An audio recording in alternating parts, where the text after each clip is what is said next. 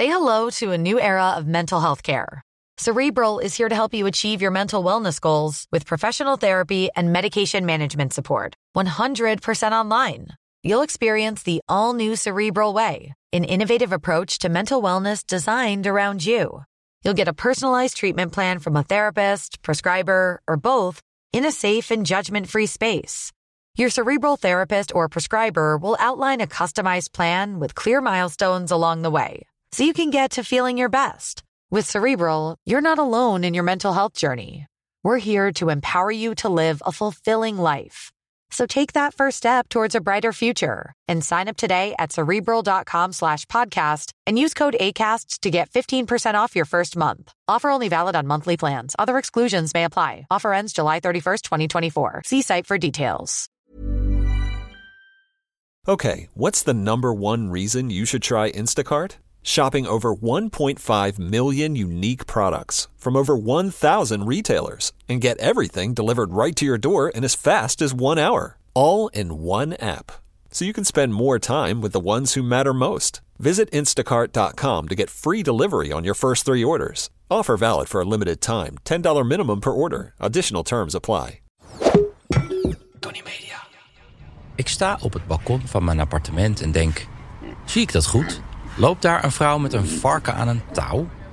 Ik ga de deur uit en ik zie dat het inderdaad een groot, vrij goor varken is... die met zijn snuit door het gras woelt. Op zoek naar truffels, wie zal het weten. De vrouw doet intussen gewoon alsof ze haar hond uitlaat. Als ik naar haar toe loop en vraag hoe ze aan het varken is gekomen... zegt ze verbaasd... Vraag je dat ook aan iedereen die met een hond rondloopt? Ze legt uit. Een paar jaar geleden kreeg mijn dochter een varkentje cadeau van haar man... Dat was toen nog leuk, maar het varken werd groter en mijn dochter wilde hem niet meer. Nou, toen heb ik me maar over hem ontfermd. Russen hebben een opvallende band met dieren. Aan de ene kant zijn ze ongelooflijk vreed. Aapjes met kleren aan of een beer in een jurkje is in Rusland nog steeds politiek correct volksvermaak. Op de vogeltjesmarkt van Moskou kan je elke bedreigde diersoort kopen, als je maar genoeg geld neertelt. Dat in Nederland een dierenambulance rondrijdt is hier een hilarisch gegeven. Mijn vriendin Marina vertelde mij een verhaal over de buren van haar ouders... die in hun bad bevers houden. Niet voor de lol, maar voor de vellen. Aan de andere kant zijn Russen erg begaan met het lot van dieren, zoals straathonden. Oude vrouwtjes, die waarschijnlijk een heel erg klein pensioentje hebben... zie je dagelijks hompen vlees naar een straathond gooien. Thuis mocht ik van mijn vriendin oude kippenbotjes en visgraten niet weggooien... maar moest ik ze buiten in de bosjes leggen voor de straathonden en katten. Die dieren krijgen zoveel vlees toegestopt dat ik meerdere malen een straathond verveeld naar een stuk zwoerd heb zien staren. Zelfs tijdens barre winters zijn de honden nog aardig op gewicht. Welkom bij Rusland voor Gevorderden. In deze podcast neem ik jullie mee door Rusland en andere landen uit de voormalige Sovjet-Unie. In samenwerking met Dagblad Trouw probeer ik verdieping te geven aan het gebied. Maar met een flinke dosis humor en absurdisme. En af en toe vies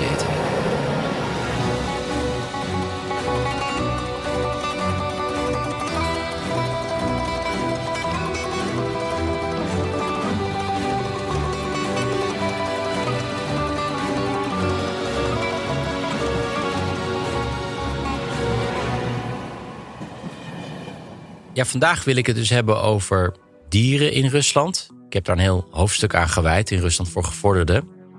Wat ik wel best grappig vind. Het is een beetje atypisch. Ik ga normaal naar allemaal plekken toe. Maar nu ga ik het gewoon over dieren hebben. Even over die straathonden. Ik heb er slechte ervaringen mee. Als ik door Moskou fietste. Ja, sowieso is Moskou op de fiets een uitdaging. Door de volstrekte afwezigheid van fietspaden. En door viezigheid en sneeuw en verkeer. Maar het bangst was ik in ieder geval voor die straathonden. Die renden soms een kilometer achter me aan als ik aan het fietsen was. En ik moest dan voortdurend inschatten of het wel verstandig was om voor een rood stoplicht te stoppen. Want dan had ik het risico dat zo'n hond in mijn kuit ging bijten.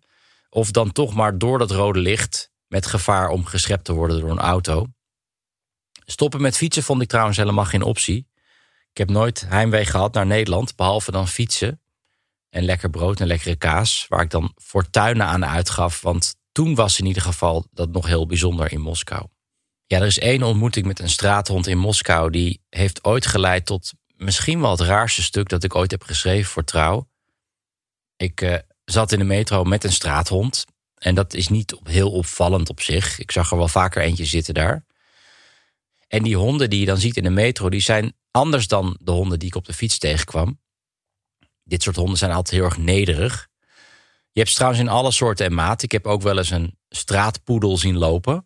Heel ongeknipt. Het zag heel grappig uit. In dit geval zat er in de metro wat ik het best kan omschrijven als een aan lager wal geraakte golden retriever.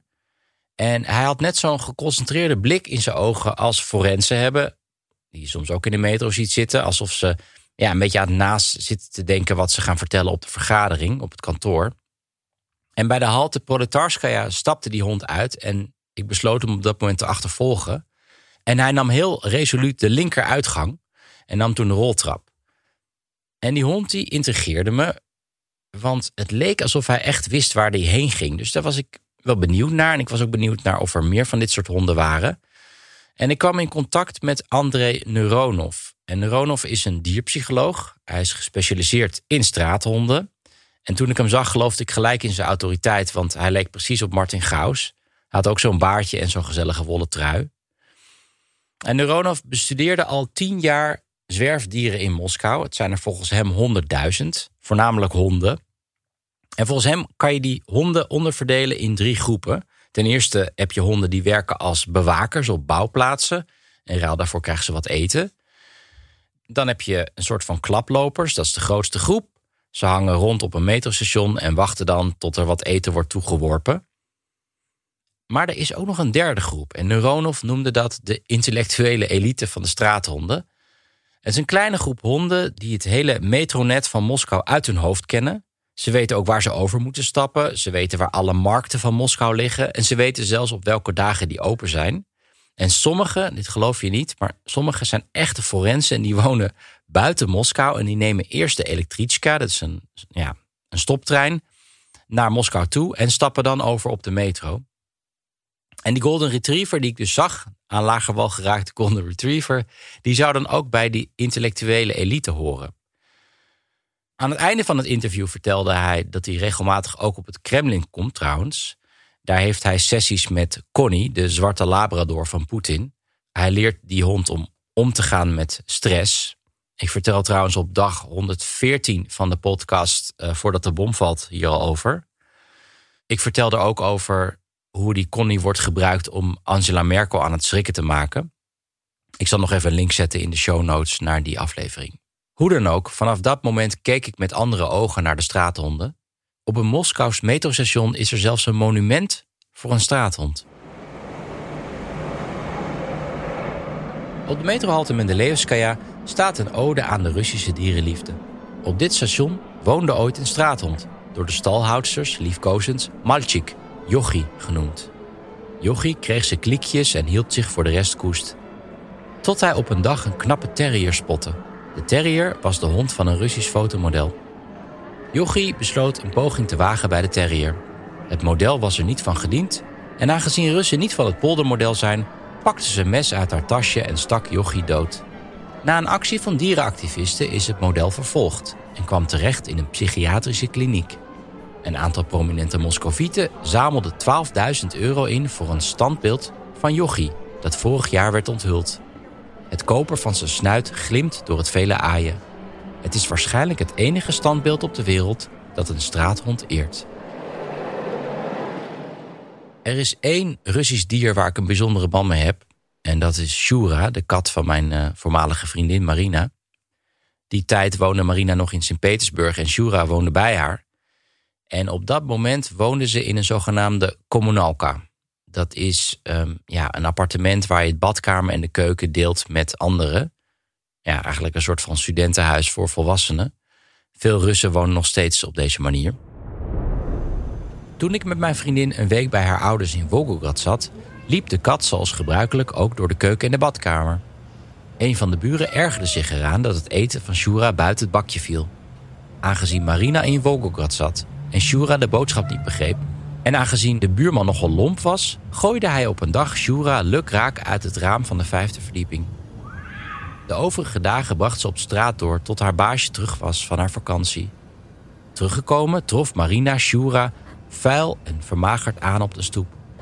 Shura moest dus zo snel mogelijk weg daar, Zoveel was duidelijk. Ik bood aan dat ze wel bij mij in Moskou kon blijven. Ja, ik kon op dat moment niet naar Petersburg komen om uh, Shura op te halen. Maar Marina zei dat het geen probleem was. Ze gaf hem gewoon mee aan een treinconducteur. In Rusland en trouwens ook alle andere landen van de voormalige Sovjet-Unie zit een hele normale manier van transport. Um, is gewoon een manier ook voor treinconducteurs om wat bij te verdienen. Dat hele treinsysteem werkt ook een beetje anders dan in Nederland. Treinen zijn vaak dagen onderweg van het begin naar het eindpunt. De Trans-Siberië bijvoorbeeld doet er een hele week over. En elke wagon in de trein heeft een zogenaamde provodnitsa. Letterlijk betekent dat begeleider. En dat is een persoon waar je ook koppen thee kan halen of dekens en zo. En die provodnitsa heeft een eigen kamertje in de trein. Of eigenlijk dus in die wagon. Die woont daar ook echt, een soort van huiskamer. En daar staat het dus vaak vol met pakketten die, uh, die ze dan meeneemt voor anderen. En dus ook af en toe een dier. En zo liep ik op een ochtend naar het Leningrad station. En daar stonden ze al met Shura in een kooitje.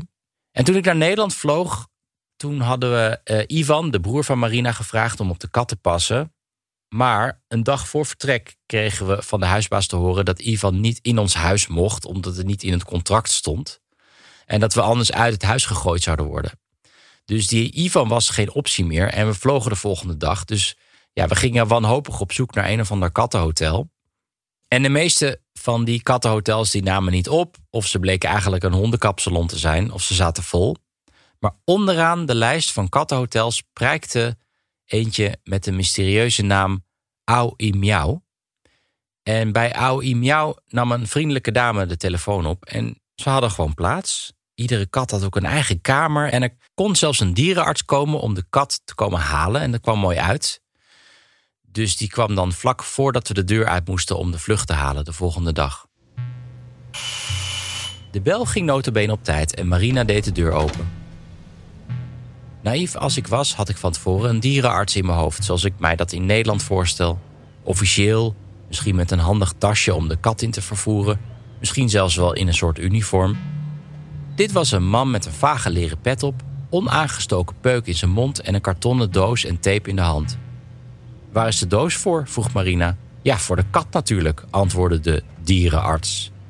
Het zeer vriendelijke kattenkooitje van ons vertrouwde hij kennelijk niet. Marina vertrouwde het niet helemaal en vroeg om legitimatie. De man gaf een prachtig visitekaartje waar inderdaad op stond... Vyacheslav Stanislavovich Bradimov, veterinarny vraj, dierenarts. Daar was dus geen speld meer tussen te krijgen. Voordat hij de kat ging vangen, moest hij eerst nog wat bespreken. We gingen op de bank zitten en de man begon onduidelijke verhalen te vertellen over zijn dochter en aangetrouwde familie. Kortom, verhalen die er niet toe doen bij het ophalen van een kat bij een wildvreemde. Een wildvreemde bovendien die een vliegtuig moet halen. Toen hij aan het kletsen was, zwaaide hij met zijn hoofd en ving ik een vage dranklucht op. Dit was een dronken dierenarts. Het vangen van een wilde boskat met behulp van een kartonnen doos is al een lastige taak. Daar kwam dus nog de door omstandigheden gebrekkige oog-handcoördinatie van de dierenarts bij. Het was dus niet geheel onverwacht dat Shura, toen ze goed en wel in de doos zat, er weer uitglipte en in de richting van de slaapkamer verdween, waar de deur naar het balkon open stond. Op het zeer grote balkon had de huisbaas alle huisraad gestald die ik niet nodig had, wat in de praktijk neerkwam op de inboedel van het gehele huis. Plekjes genoeg dus voor Shura om zich te verstoppen, voor die dronken man die haar zomaar in een doos wilde stoppen. Op het moment dat we eigenlijk moesten vertrekken, stonden we met z'n drieën alles op het balkon om ver te gooien om Shura te vinden. Te vergeefs. Het verhaal kreeg vervolgens een echte Russische wending. Shura zat namelijk in mijn kantoortje, dat ik al compleet had vergrendeld. Eigenlijk kon dat dus niet. Maar in Rusland gelden andere wetten. En kennelijk ook andere natuurwetten. Daar zat ze rustig te wachten tot wij haar in de doos stopten. Uiteindelijk is het nog allemaal goed gekomen met Aoi Miauw. Toen we thuis kwamen was Shura nog wel een paar dagen zoek. En vervolgens kregen we een telefoontje dat de sterilisatie goed verlopen was. Terwijl we helemaal niet hadden gevraagd om een sterilisatie. Maar dat bleek uiteindelijk een vergissing. Ze is thuisgebracht uh, en ze was gewoon niet gesteriliseerd. Dus het was hartstikke fijn. Met Shura zelf is het uiteindelijk minder goed afgelopen. Shura is verhuisd naar de oma van Marina in Samara in het zuiden van Rusland. En die is daar toen uit het raam gesprongen of gevallen, wie zal het weten. En die viel toen precies op de spijlen van een hek. Heel erg pijnlijk. Ja, die was dus dood. En eh, die oma trouwens, die voerde Shura elke dag uh, wat uh, slivki. Dat is een soort van slagroom. Dus Shura was ook steeds dikker geworden. Dus misschien dat het daar wat mee te maken heeft. We zullen het nooit weten. Dit was het in ieder geval voor deze keer. Deze podcast is gemaakt door Bas Tooms en Ruben Dekker van Tony Media. Citaten komen uit het boek Rusland voor Gevorderden. Dat is uitgegeven door Prometheus. Tot de volgende keer.